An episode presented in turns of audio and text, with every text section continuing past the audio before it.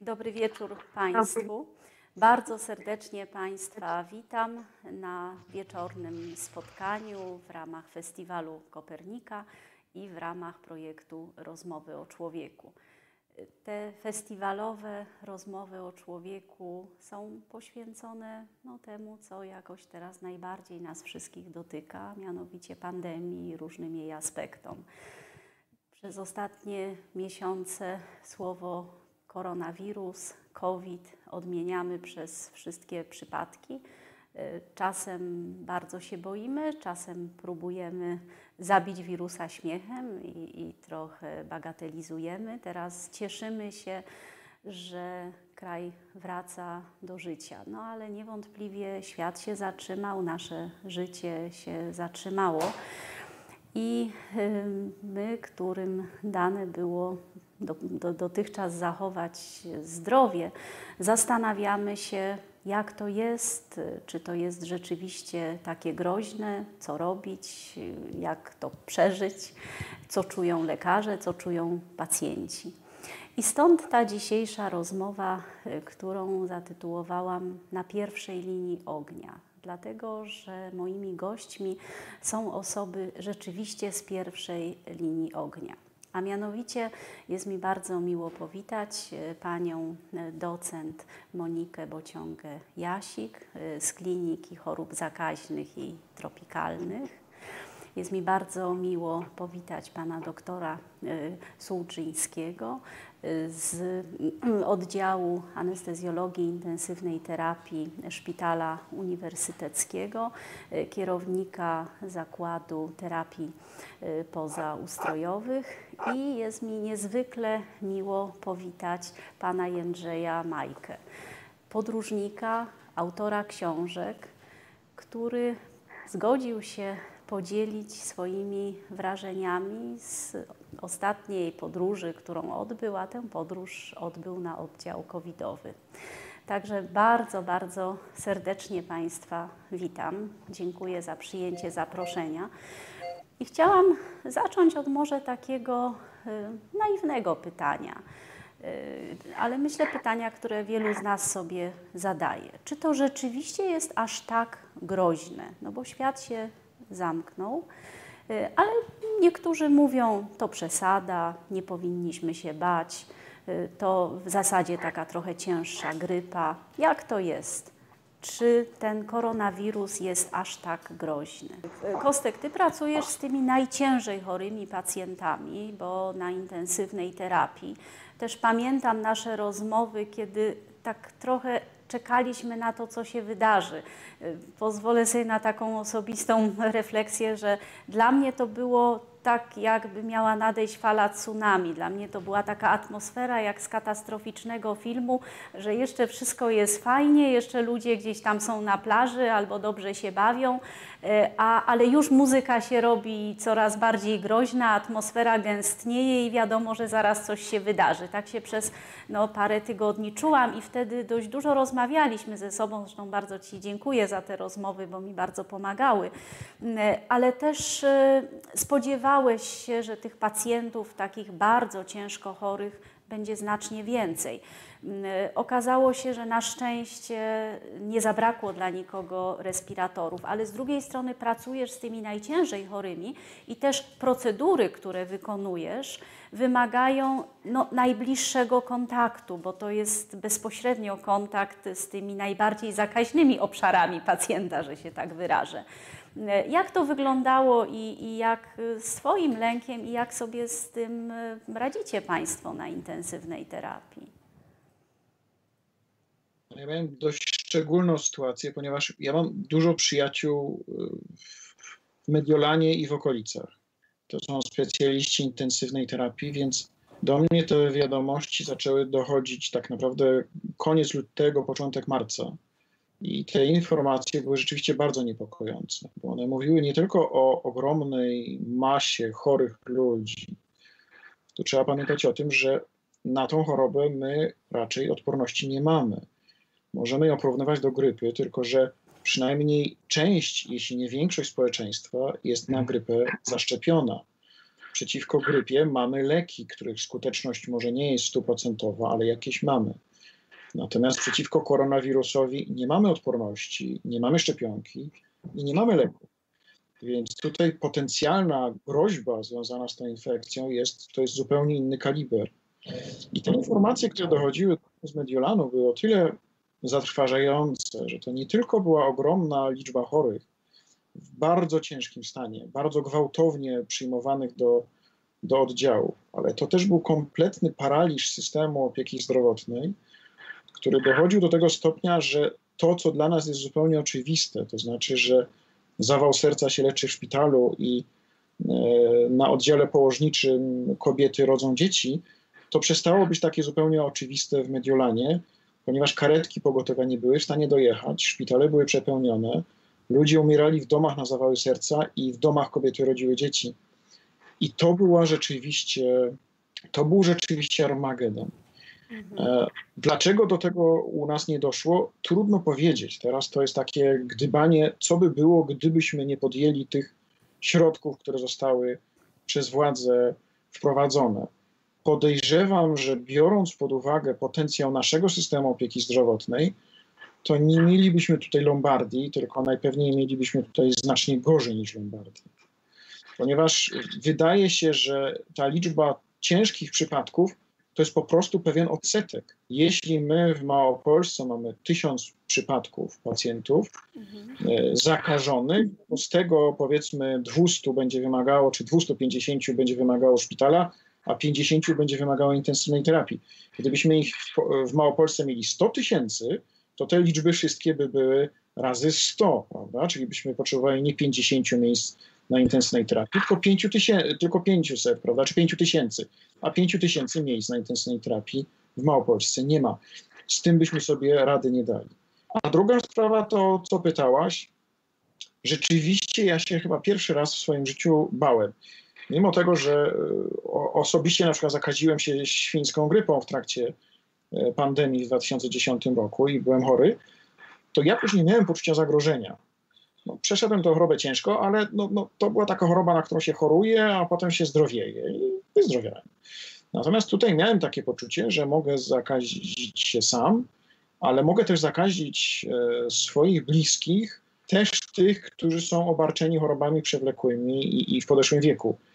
Więc tutaj rzeczywiście przez, przez miesiąc nie widywałem się z własnymi dziećmi, tak, na wszelki wypadek. Więc to była inna sytuacja.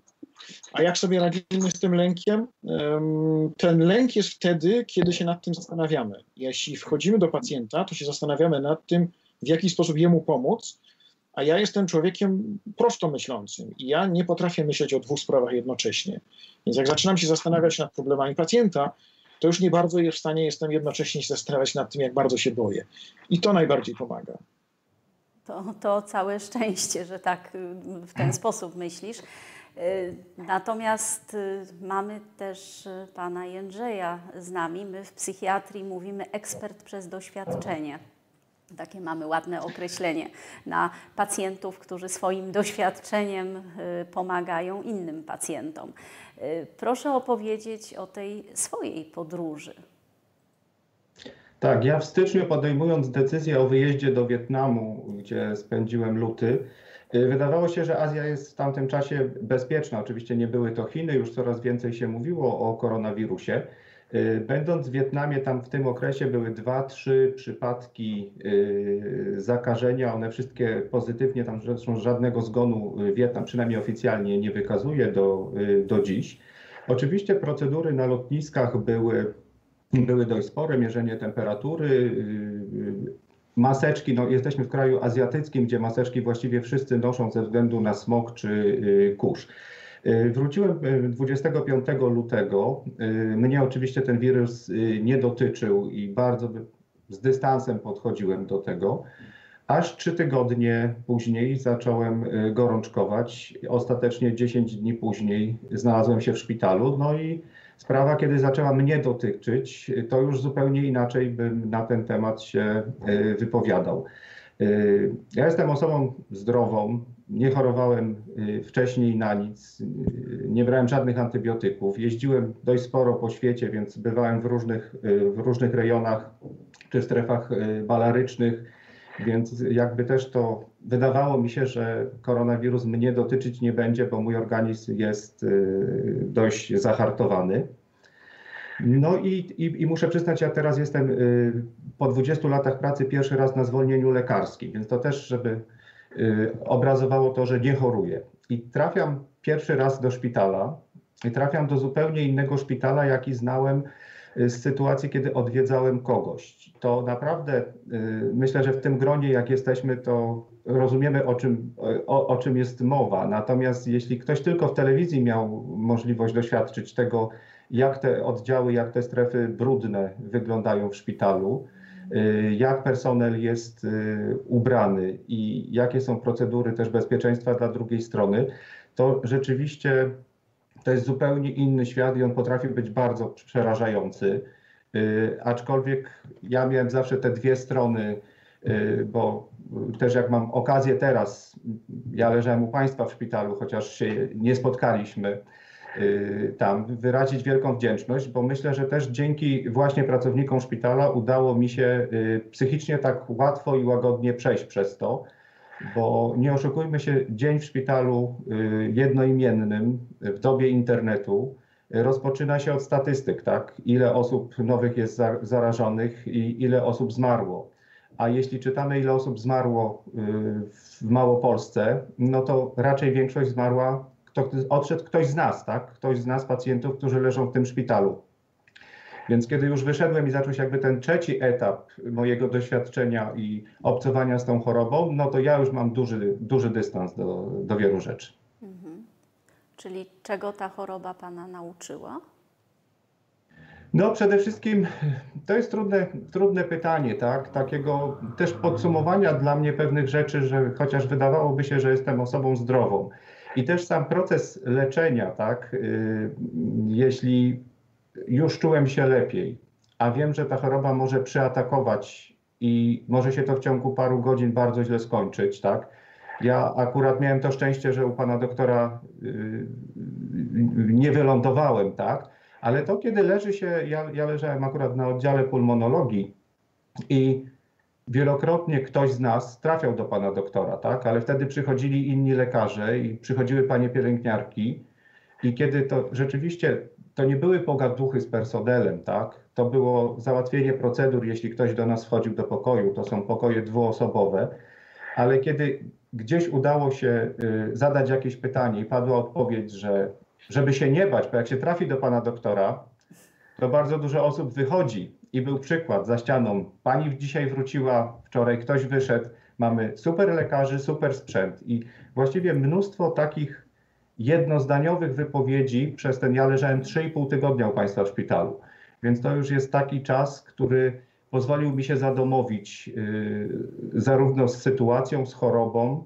jak i też yy, z personelem, którego nie rozróżnia pacjent, bo powiedzmy sobie wprost, wszyscy będąc w tych y, strojach epidemiologicznych, tak, w tym całym zabezpieczeniu, to, to, to, to, co się wcześniej mogło wydawać nam, pacjentom, jako film science fiction, to naraz znaleźliśmy się w tej rzeczywistości i do końca, aż do momentu, kiedy człowiek usłyszy, że ma drugi wynik ujemny i, i pewnie wkrótce opuści szpital, to cały czas jest ta świadomość, że może być jakiś nawrót, może być pogorszenie, mogą się pojawić, więc ten respekt przed tą chorobą jest bardzo duży.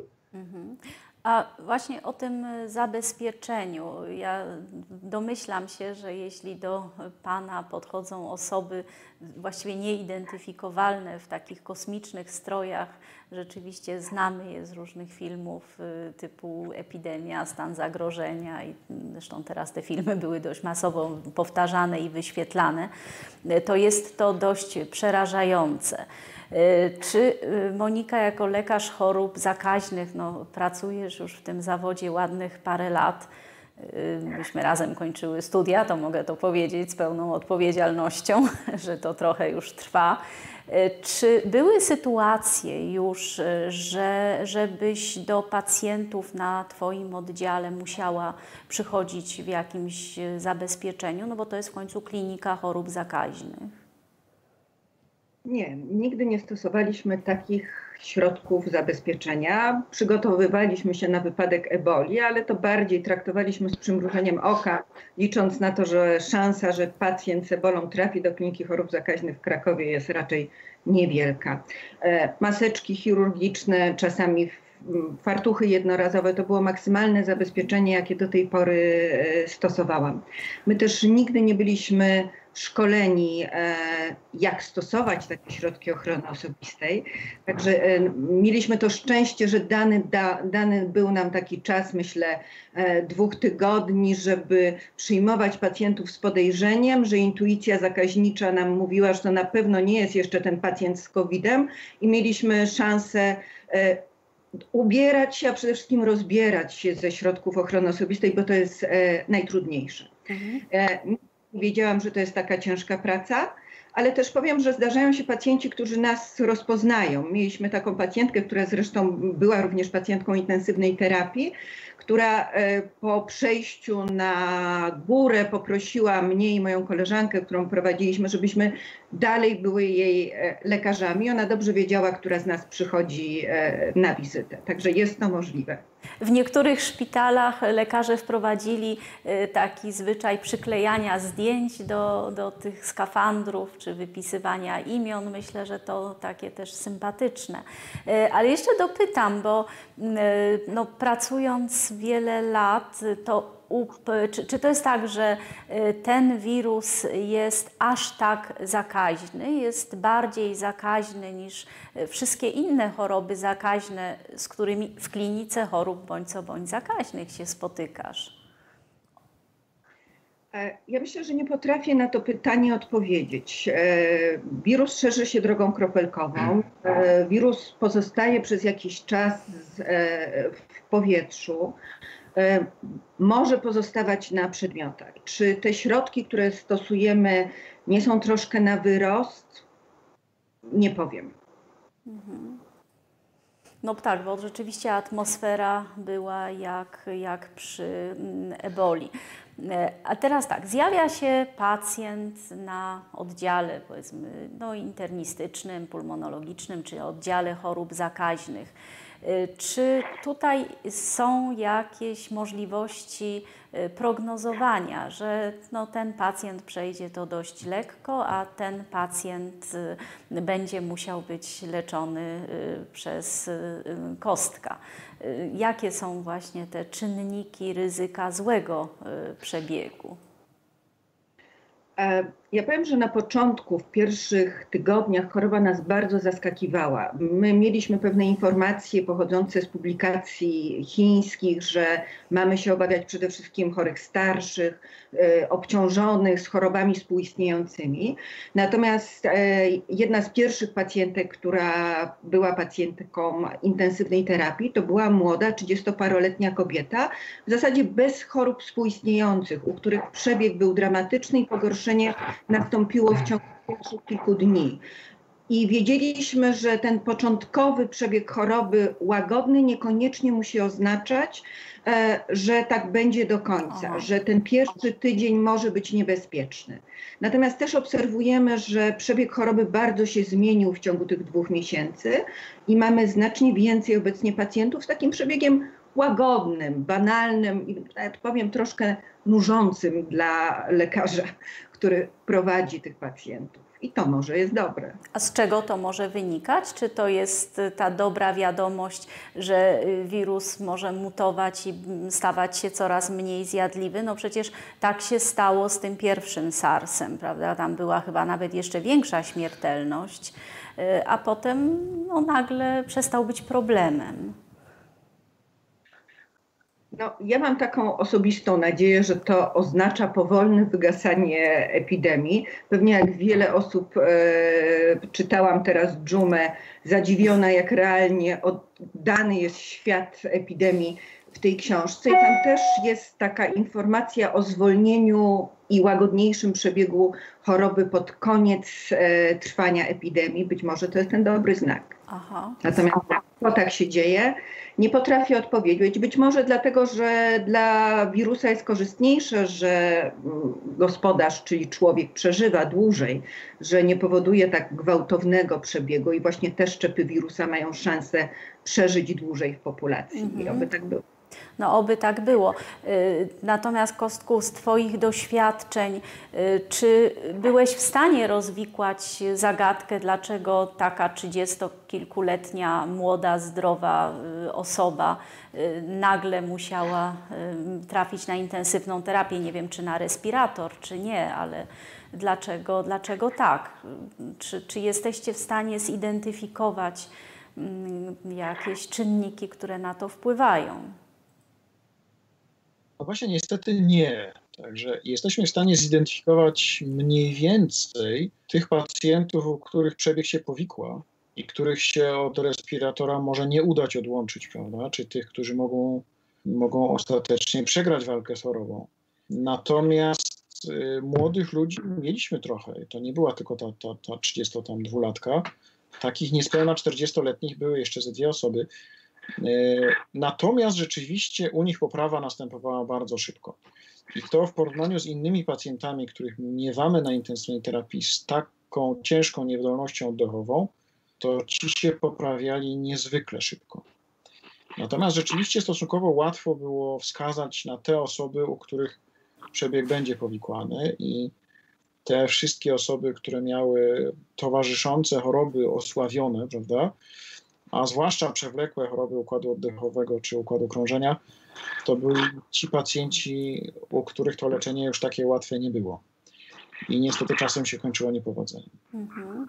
Mówi się, że łatwiej jest pacjenta podłączyć do respiratora niż potem zdjąć z tego respiratora. Czy w tym wypadku też tak to jest? No zdecydowanie tak jest, bo ponieważ podłącza lekarz pacjenta, który nie ma już żadnych własnych sił, natomiast żeby go odłączyć, to potrzebny jest ten czynnik ze strony chorego, czyli jego organizm musi się na tyle pozbierać, żeby miał siłę poradzić sobie bez respiratora. I tak naprawdę też z punktu widzenia wiedzy i doświadczenia medycznego odłączanie od respiratora jest no, daleko bardziej skomplikowane, ponieważ wymaga stopniowego zwiększania dawkowania wysiłku pacjentowi, tak żeby jego mięśnie oddechowe zaczęły z powrotem pracować. To wcale nie jest takie proste. To, co dla nas jest oczywistością, czyli oddychanie, dla pacjentów w stanach krytycznych jest zupełnie ekstremalnym wysiłkiem. Oni początkowo mogą ten wysiłek wykonywać przez kilkanaście czy kilkadziesiąt minut na dobę, potem te okresy się, się zwiększają. Jeśli przeciążymy, no to potem może się nie udać podjąć takiej próby przez kilka kolejnych dni, bo oni wyczerpali cały zakres, cały zapas swojej energii. To jest rzeczywiście trudne. Ten, ten, nie, nie, ten zupełnie dla nas nieprzewidywalny czynnik, którym jest siła organizmu, tutaj gra zdecydowanie dominującą rolę. Mhm. Y, Jesteś tutaj no, wybitnym specjalistą, chyba najlepszym w Polsce od tak zwanego ECMO, prawda, czyli tych terapii pozaustrojowych. Y, Też y, słyszymy, że w skrajnie ciężkich przypadkach taka terapia też bywa potrzebna. Nie wiem, czy w naszym szpitalu był taki przypadek, ale czy mógłbyś powiedzieć, na czym to polega, bo to już jest taka bardzo nowoczesna terapia. E, Jeśli płuca są bardzo, znaczy, jeśli płuca są chore, to podłączamy pacjenta do respiratora. E, Usypiamy, wprowadzamy rurkę do tchawicy. Tą rurką pacjent jest połączony z respiratorem, czyli maszyną, która wtłacza do płuc powietrze wzbogacone w tlen, a czasem czysty tlen. E, I to się sprawdza tak długo, jak długo płuca w ogóle działają. Natomiast w bardzo ciężkich stanach płuca przestają działać w wystarczającym stopniu, żebyśmy nawet przy pomocy respiratora byli w stanie e, utrzymać pacjenta przy życiu, czyli po prostu dostarczyć mu odpowiednio tlenu. E, Jeśli nie jesteśmy w stanie dostarczyć odpowiedniej ilości tlenu, no to pacjent e, może umrzeć, chyba że zrobimy coś innego, co nie wymaga używania płuc. Czyli musimy tak naprawdę zastąpić płuce. Do tego służy ECMO, czyli taka maszyna, która wyprowadza z organizmu człowieka krew, wzbogaca tą krew w tlen, pozbawia dwutlenku węgla i oddaje z powrotem. To co do idei jest podobne do dializy, do której bardzo wielu pacjentów jest podłączanych po to, żeby zastępować nerki. Jedyna trudność polega na tym, że żeby zastępować nerki, to wystarczy mieć 300 ml krwi e, na minutę przepływu Natomiast, żeby zastępować płuca, to musimy mieć przepływu o 5, 6, 7 litrów na minutę. Czyli tak naprawdę przez tę maszynę musi przepłynąć cała krew, którą człowiek w sobie ma w ciągu jednej minuty. E, I to jest, to jest czynnik, który powoduje, że ta, ta procedura jest trudna i ryzykowna. E, z naszych doświadczeń, które nie są jakieś bardzo duże, bo tych tak pacjentów naprawdę nie mieliśmy bardzo dużo w bardzo trudnym stanie, wynika, że to jest w tej chorobie bardzo rzadko potrzebne. Mhm. W tych krajach, które były bardziej dotknięte, w Stanach Zjednoczonych, w Niemczech czy, czy we Francji, gdzie, gdzie tych pacjentów było dużo, tego ECMO wykonywano sporo, to znaczy to było po kilkaset procedur w danym kraju. U nas to było raptem kilku pacjentów. We Włoszech nie wykonywano prawie w ogóle z kolei, ponieważ tam oni byli tak przeciążeni, że nie mieli nawet sił ani czasu, żeby się tym zająć. E, więc tam, tam raczej chodziło o to, żeby być w stanie zapewnić pacjentom zupełnie podstawową opiekę, bo i z tym był problem. E, my takie możliwości mieliśmy, ale tak naprawdę zastosowaliśmy je tylko raz i to u pacjenta nie od nas, tylko ze Śląska. Mhm. E, natomiast w Polsce w sumie do ECMO było chyba podłączonych, nie wiem, około 5-6 pacjentów. Niestety ci pacjenci, którzy mają tak ciężką niewydolność oddechową, że wymagają ECMO, w przebiegu tej choroby COVID-19 zazwyczaj mają niewydolność wielu różnych innych narządów jednocześnie. I wtedy to ECMO nie bardzo im pomoże, bo ECMO może zastąpić płuca, ale nie zastąpi całej reszty organizmu. Więc tutaj niestety mhm. wyniki nie są nadzwyczajne. Czyli rozumiem, że COVID-19 to nie jest tylko choroba płuc, ale jest to choroba wielonarządowa. Y, patrząc z perspektywy pana Jędrzeja, y, pacjenci boją się bardzo tego pogorszenia, boją się duszności, to jest bardzo nieprzyjemny objaw. Y, jak pan przechodził tę chorobę, jeśli można zapytać, jakie objawy były, co było najbardziej uciążliwe, czego się pan bał? Ja do szpitala trafiłem z gorączką 40 stopni, bardzo, bardzo ciężki kaszel. Natomiast takich, y, jak słyszymy, że ktoś ma bardzo ciężkie problemy z oddychaniem, to u mnie aż tak źle nie było. Temperatura dość szybko była, y, była zbita. Ja też y, byłem przyjęty najpierw do szpitala żeromskiego. Po wyniku, po wyniku dodatnim byłem przewieziony po dwóch dniach do szpitala uniwersyteckiego. I wydawało mi się po tych pięciu czy sześciu dniach, y, że ja sobie szybko z tym wirusem poradzę. Natomiast w drugim tygodniu pojawiła się zatorowość płucna. Y, I to już, to już nie było, nie było takie, takie wesołe dla mnie, bo zobaczyłem, że ten stan mój się bardzo, bardzo pogarsza. Y, natomiast też o, pani profesor pyta o tą atmosferę. Kolega, który leżał na sąsiednim łóżku, te same objawy, kiedy przewożony, przewożony był ze szpitala też żeromskiego, był pod maseczką tlenową, tak tlen miał podawany, więc wydawało się, że ten jego stan jest troszkę gorszy niż mój, potem mi było gorzej, jemu było lepiej, natomiast bardzo szybko w szpitalu pojawił się jego ojciec z objawami dokładnie takimi samymi jak, jak ja, tak? 40, 40 stopni gorączki, o własnych siłach znalazł się w szpitalu, a dzień później wylądował pod respiratorem u pana doktora, tak? Więc to, to ten strach taki, że ta choroba może w każdym momencie tak mhm. przeatakować i tak się może pogorszyć, to budzi naprawdę, naprawdę bardzo duży y, lęk. Ale też jest światełko, że po paru, tam on akurat po tygodniu, wrócił do nas na oddział, tak? Więc, więc to też dawało takie światełko, światełko duże, duże w tunelu. Yy, no, z tą zatorowością no, zmagam się do dziś, więc wszystkim każdy się pyta, jak już się czuje, jak się czuje, więc w połowie lipca mam przegląd techniczny, kardiolog, pulmonolog, tak? Yy, biorę leki na rozrzedzanie krwi, no, zamierzam wrócić do wcześniejszej, do wcześniejszej formy. Y, aczkolwiek to nie jest tak, właśnie strasznie się denerwuję też, jak, jak często ktoś mi podsyła na, na Facebooku filmiki, że to jest, prawda, y, zmowa oligarchów świata, tak, że to, że to jest grypa. Y, no to nie jest, jak doświadczy się na własnej skórze, myślę, że wystarczyłoby takie osoby na 2-3 godziny położyć w takim szpitalu i myślę, że szybciutko zdanie by zmieniły. Czyli pan nie wrócił jeszcze do pełnej sprawności? Może, czy może nie, Pan ćwiczyć, jeszcze... czy może Pan jakiś sport uprawiać teraz? Na, razie, na razie jeszcze nie. E, no, 10 kilo zgubiłem. Dzisiaj przed naszym spotkaniem poszedłem do fryzjera, więc mogę powiedzieć, że no, wracam do formy. Ale, ale jeszcze, jeszcze jestem dość słaby i, i no, myślę, tak czekam teraz ta połowa lipca, kiedy mam konsultację, to jest ten moment taki, że, że liczę, że później będzie, będzie wszystko już dobrze. To teraz zapytamy ekspertów, y, jaki mechanizm, skąd zatorowość płucna u pacjenta, nie mówię konkretnie u Pana, tylko teoretycznie u pacjenta chorego y, na COVID i jakie narządy jeszcze ten wirus atakuje? Wiemy, że zaburzenia krzepnięcia faktycznie się pojawiają, tej zatorowości się obawiamy. Obserwujemy zaburzenia funkcji wątroby, obserwujemy zmiany z ośrodkowego układu nerwowego. O tym się mówi rzadko, ale na przykład zaburzenia węchu i smaku to jest bardzo często podawana dolegliwość przez pacjentów. E, dość często mają również zaburzenia e, ze strony przewodu pokarmowego. Biegunka to często jest taki objaw, który pojawia się na początku choroby. Mhm. To już zostawiam anestezjologom do omówienia. Tak, rzeczywiście to jest tak, że, że ten, ten wirus mm, znalazł sobie taką furtkę do organizmu. Tą furtką do organizmu jest taki receptor i ten receptor w różnych miejscach się znajduje. On się znajduje w, w przewodzie, on się znajduje w drogach oddechowych. Jego bardzo dużo jest na przykład w przeciągu nosa i dlatego się wydaje, że przez ten nos łapiemy często infekcje. Być może te zaburzenia węchu też idą tą drogą. Natomiast jego jest też bardzo dużo w naczyniach.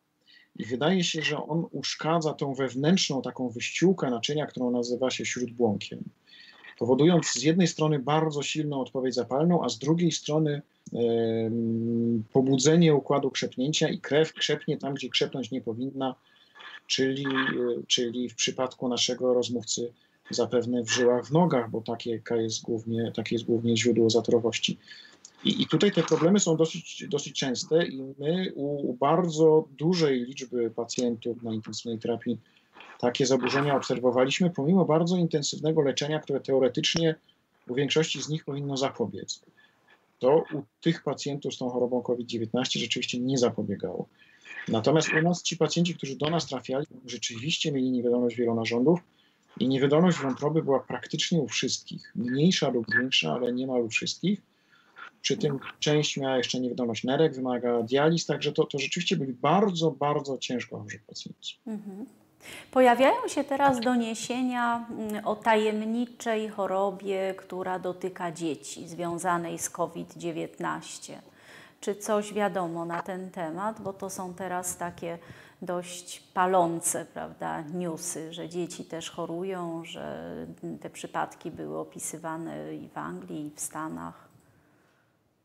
Czy coś wiadomo na ten temat? No, szczerze mówiąc, z tego co ja wiem, to te doniesienia mają bardziej charakter medialno-anegdotyczny niż naukowy, póki co. Taka choroba, o której mówimy, no to jest choroba, to, to, to jest zapalenie tętnic, czyli choroba Kawasaki. Mhm. E, ono się zdarza, a teraz się zdarza znacznie częściej. Tyle tylko, że dalej jest to choroba niezwykle rzadka. W przypadku chorób niezwykle rzadkich problem polega na tym, że czasem o trzy przypadki więcej to jest wzrost o 150%. I, I, na takich statystykach się po prostu już bardzo, bardzo trudno opierać. Mhm. Myślę, że z czasem będzie więcej. Czyli teraz też troszkę jest to sensacyjne i, i trochę y, no, kierujące uwagę na coś ciekawego. Y, teraz jeszcze chciałam zapytać o leczenie. Pan mówi, że Pan brał y, duże ilości antybiotyków. No, leku na COVID nie ma. Y, są różne próby. Y, jak to wygląda? Jak pacjent jest leczony? I teraz jeszcze takie pytanie. Czy y, bardziej czekamy na lek, który się okaże skuteczny, czyli lek, że ktoś zaczyna chorować, podaje się ten lek i za parę dni jest po prostu zdrowy, czy bardziej czekamy na szczepionkę? To jest na pewno infekcja wirusowa, a jako zakaźnicy bardzo często wobec infekcji wirusowych jesteśmy bezradni, po prostu nie mamy dobrych narzędzi terapeutycznych. To jest wirus RNA. My nie mamy żadnego leku w tym momencie, który byłby w stanie zahamować namnażanie wirusa. Mieliśmy takie na początku, zwłaszcza próby podawania leków przeciwmalarycznych, Mhm. czyli stosowaliśmy chlorochinę, e, stosowaliśmy kaletrę, która jest e, inhibitorem proteazy znanym nam i stosowanym e, w leczeniu zakażenia HIV. Te leki były stosowane przede wszystkim na podstawie doniesień z Chin, później doniesień z Francji, z Włoch o ich możliwej skuteczności. E, Ja na początku byłam taką e, no, cichą entuzjastką podjęcia próby takiego leczenia. Wydawało mi się, że może to mieć jakiś sens i zmienić ten przebieg choroby. W tej chwili mam dużo wątpliwości i najczęściej tych leków już e, nie podajemy. Stosujemy leczenie zachowawcze, podajemy antybiotyki w sytuacji, kiedy mamy podejrzenie nadkażenia bakteryjnego. E, Mamy to szczęście, że mamy no, fantastyczne zaplecze intensywnej terapii i to myślę, że jest tajemnica niskiej śmiertelności w Małopolsce, bo naprawdę tych przypadków zakończonych zgonem nie mamy tak e, dużo i my wiemy, że oddajemy wtedy naszych chorych w ręce fantastycznych fachowców. A najbardziej czekamy na szczepionkę. Myślę, że to jest najskuteczniejsza broń w przypadku infekcji wirusowych i to byłoby coś, co rozwiązałoby nasz Czyli odporności stadnej nie doczekamy? E, Ja nie jestem wirusologiem, ale patrząc się na Szwecję i na jej próbę rozwiązania problemu i na to, jak mało osób w populacji e, ma przeciwciała, to wydaje się, że niestety to nie jest coś, co rozwiąże nasz problem. E, Ja może z, e, też zdradzę zaplecze kuchenne, ale e, personel oddziału zakaźnego miał wykonywane przeciwciała w kierunku SARS-CoV-2 i nikt z nas tych przeciwciał nie ma. Czyli to nie jest tak łatwo nabyć odporność na tego wirusa. Teraz tak trochę zmieniając temat, czyli odchodząc od leczenia. Niestety spotykamy się ze zjawiskiem hejtu i to widać. Lekarze na początku byli oklaskiwani, a teraz personel medyczny jest wyrzucany z domów, pielęgniarce tam się niszczy samochód, y, te, pojawiają się właśnie kartki, że personelu medycznego nie obsługujemy w jakimś y, sklepie. Y, To wynika no, z lęku. Ludzie się boją zakażenia. Y, Też pojawił się hejt wobec osób, które y, gdzieś tam przebywały na kwarantannie, y, nawet jeszcze z niepotwierdzonym y, wirusem. I moje pytanie jest takie, czy rzeczywiście personel medyczny pracujący w zabezpieczeniu może stanowić większe źródło zagrożenia niż ktokolwiek inny, kto jeździ tramwajem, kto robi zakupy w przysłowiowej żabce czy biedronce. I pytanie do Pana, gdy Pan wyszedł ze szpitala, to co dalej się z Panem działo i jaki był stosunek do Pana mm, ludzi z otoczenia? Czy, no przepraszam, że tak powiem, czy był Pan trochę traktowany jak trendowaty, czy mm, ominęło to Pana? Moje życie wychodząc właściwie, ja czekając na wypis ze szpitala, zamieściłem na y, Facebooku y, podziękowanie dla lekarzy i informacje dla moich znajomych, którzy no, przez ten miesiąc nie wszyscy wiedzieli, że y, przebywam w szpitalu, że choruję. Y, Dla wielu ze osób ze środowiska znajomych no, byłem atrakcją, bo y, ja wyszedłem ze szpitala miesiąc temu, więc powiedzmy sobie, że to byłem gdzieś koło tysięcznego y, pacjenta, y, który, który został y, ozdrowi, ozdrowiony tak? i wyszedł, wyszedł ze szpitala. I naraz moi znajomi mówią, że jestem jedyny w ich gronie, że mogą się pochwalić, że należę do tego grona y, osób, które, które y, załapały tak? y, koronawirusa. I zamieściłem ten wpis na Facebooku i w życiu bym się nie spodziewał, jakie on będzie miał wielkie, od- jaki wielki zasięg, bo po, po pięciu dniach okazało się, że dotarł on do ponad miliona osób. Y, Rozdzwoniły się telefony, wywiady, takim korona, korona celebrytą zostałem. I to jest rzecz dla mnie bardzo ciekawa pod tym względem jakiś, nie wiem, ze strony sąsiadów. Ja mieszkam w Krakowie na Ruczaju, więc tutaj jakby taką atrakcją wielką nie byłem, aczkolwiek kiedy, kiedy y, byłem zabierany do karetki, y, kiedy, kiedy jechałem do szpitala, to y, pan sanitariusz, który przyszedł no, w tym kosmicznym stroju po mnie, powiedział, żebym się nie wystraszył, nie zdziwił, bo sąsiedzi na balkonach z telefonami już czekają, bo będzie ta atrakcja, tak? Więc to był ten pierwszy taki sygnał, że ta choroba jest troszkę, troszkę inna. Natomiast odezwało się do mnie bardzo dużo lekarzy. Y, odezwali się także y, lekarze i panie pielęgniarki y, z pulmonologii ze szpitala uniwersyteckiego. Przysłali mi zdjęcia, jak wyglądają. Przysłała mi zdjęcie pani, pani Joanna, która ostatni wybaz pobierała ode mnie, ten, który uczynił mnie osobą bardzo szczęśliwą. Więc jakby to jest ta pozytywna, pozytywna strona y, tego wszystkiego. Natomiast odezwało się bardzo dużo ozdrowieńców, którzy wprost pytali mnie, czy nie boję się pokazywać swojej twarzy i występować w mediach, ze względu na to, że oni, szczególnie w małych miejscowościach, spotkali się no, z hejtem, z krytyką, że wiele osób musiało zmienić miejsce zamieszkania. Aż tak. Y, wyjechać do rodziny do tego stopnia. Więc wydało mi się to wręcz no, niewyobrażalne, że coś takiego w dzisiejszych czasach y, może, mieć, y, może mieć miejsce. Więc myślę, że początek tej choroby, kiedy wszyscy się baliśmy i troszkę się solidaryzowaliśmy, tak? A jednak potem już nastąpił ten moment zmęczenia, poszczególne zakazy i pojawiła się ta dość duża agresja też. Ja nie spotkałem się e, osobiście z tym, natomiast y, ta ilość y, korespondencji, jaka do mnie spłynęła, pokazuje, że wcale tak wesoło w skali kraju to nie wyglądało. Ale y, musieli się wyprowadzić, bo co, sąsiedzi bali się, że może to nie do końca tak. są zdrowi ludzie, że może te wyniki fałszywe, tak. może dalej zarażają, czy jakiś, jakaś inna przyczyna? Lęku? Zawsze, zawsze niewiedza czyni największy postrach. Y, ale przede wszystkim to dotyczyło też y, dzieci, tak, że sąsiedzi nie pozwalały już kontaktować się z dziećmi tej osoby, a bardzo często to były też nie osoby, które wyszły ze szpitala, tylko to były osoby, które akurat znajdowały się na kwarantannie, bo wróciły z Niemiec czy, czy Włoch. Więc jakby ten strach taki ogólny, jaki się pojawił, powodował to, y, że ludzie no, bojąc się, y, okazywali bardzo dużą y, agresję. Y, jeśli ktoś wrócił, nie wiem, do, przy, domek jednorodzinny, córka wróciła z Włoch, zamieszkała w ramach kwarantanny na piętrze, a ojciec, który mieszka na dole, idzie do piekarni i w piekarni go informują, że chleba mu nie sprzedadzą, ponieważ codziennie przyjeżdża policja, a jak przyjeżdża policja i kontroluje, to znaczy, że ta córka na pewno jest chora i wszystkich nas pozaraża. Więc to jeden z takich przykładów y, pod Krakowem, który miał miejsce.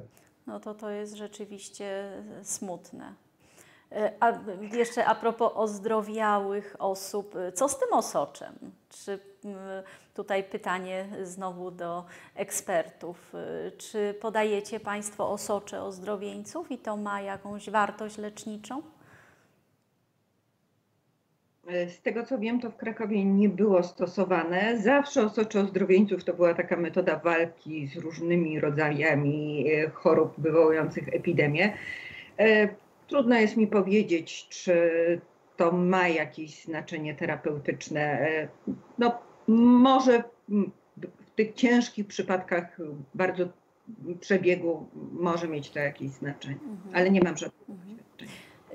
A jeszcze wracając do tego poprzedniego pytania, właśnie teraz Państwa lekarzy zapytam y, o tą zakaźność. Po prostu chciałabym, żebyście się wypowiedzieli, czy ludzie mają powód bać się y, personelu medycznego, y, który pracuje z pacjentami chorymi na COVID-19. Moim zdaniem personel szpitalów jednoimiennych to jest najbezpieczniejszy epidemiologicznie personel.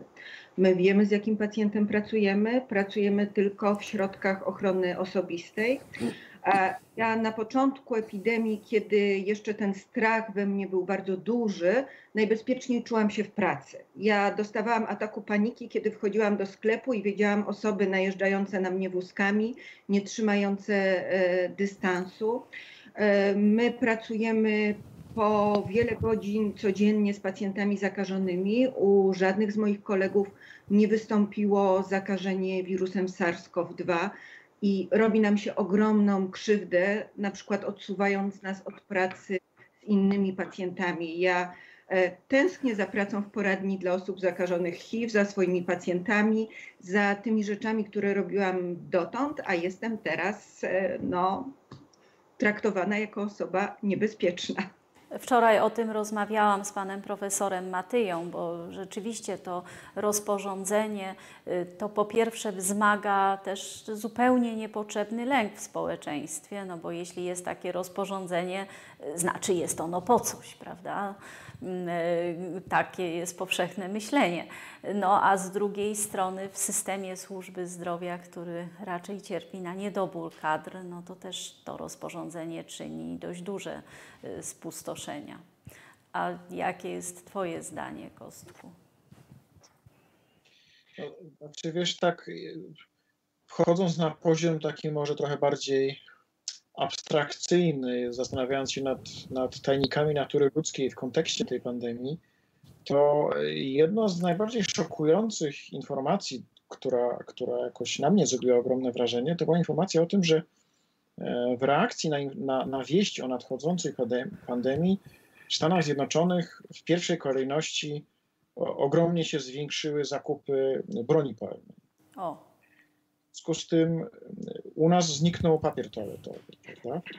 Ludzie mają potrzebę jakiejś kontroli nad swoim życiem, jakiejś sprawczości. Ktoś, kto chce być odpowiedzialny za siebie, swoje otoczenie, swoich bliskich, stara się coś z tym zrobić. Jeśli jest w stanie zrobić coś sensownego, to kupi maseczki. No maseczek nie można kupić broń. E, można kupić papier toaletowy, bo wiadomo, że on zawsze będzie potrzebny. Poza tym on ma ogromną zaletę papier toaletowy, ponieważ on się nie przeterminowuje. W związku z tym to jest do pewnego stopnia, jakkolwiek to absurdalnie nie brzmiało, dość racjonalne postępowanie, e, tylko że ono jest nieadekwatne do sytuacji. E, I myślę, że te, te, takie, ten hejt w stosunku do pracowników systemu opieki zdrowotnej też się poniekąd stąd brał.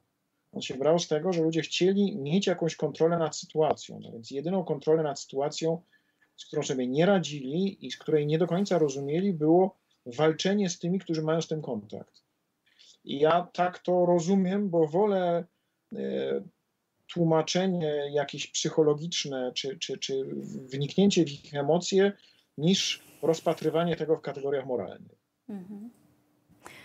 Okej. Okay. Myślę, że teraz czas, żeby trochę naszym słuchaczom oddać głos, ponieważ tutaj pojawia się y, troszkę pytań.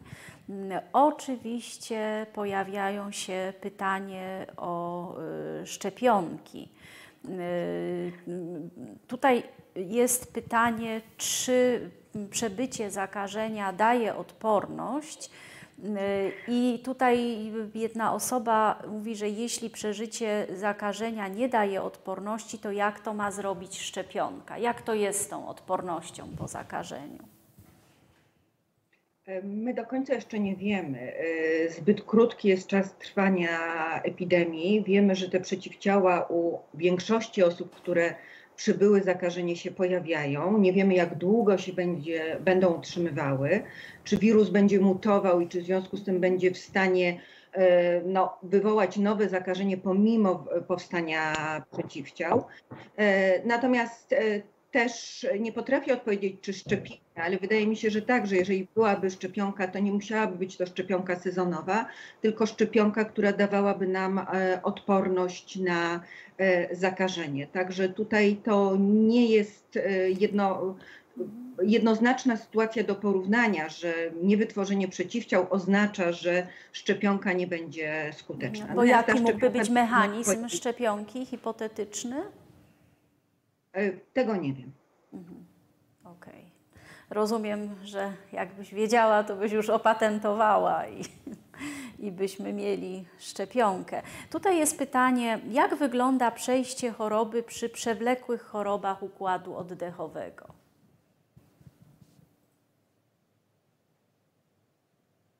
No to może ja. E, różnie wygląda.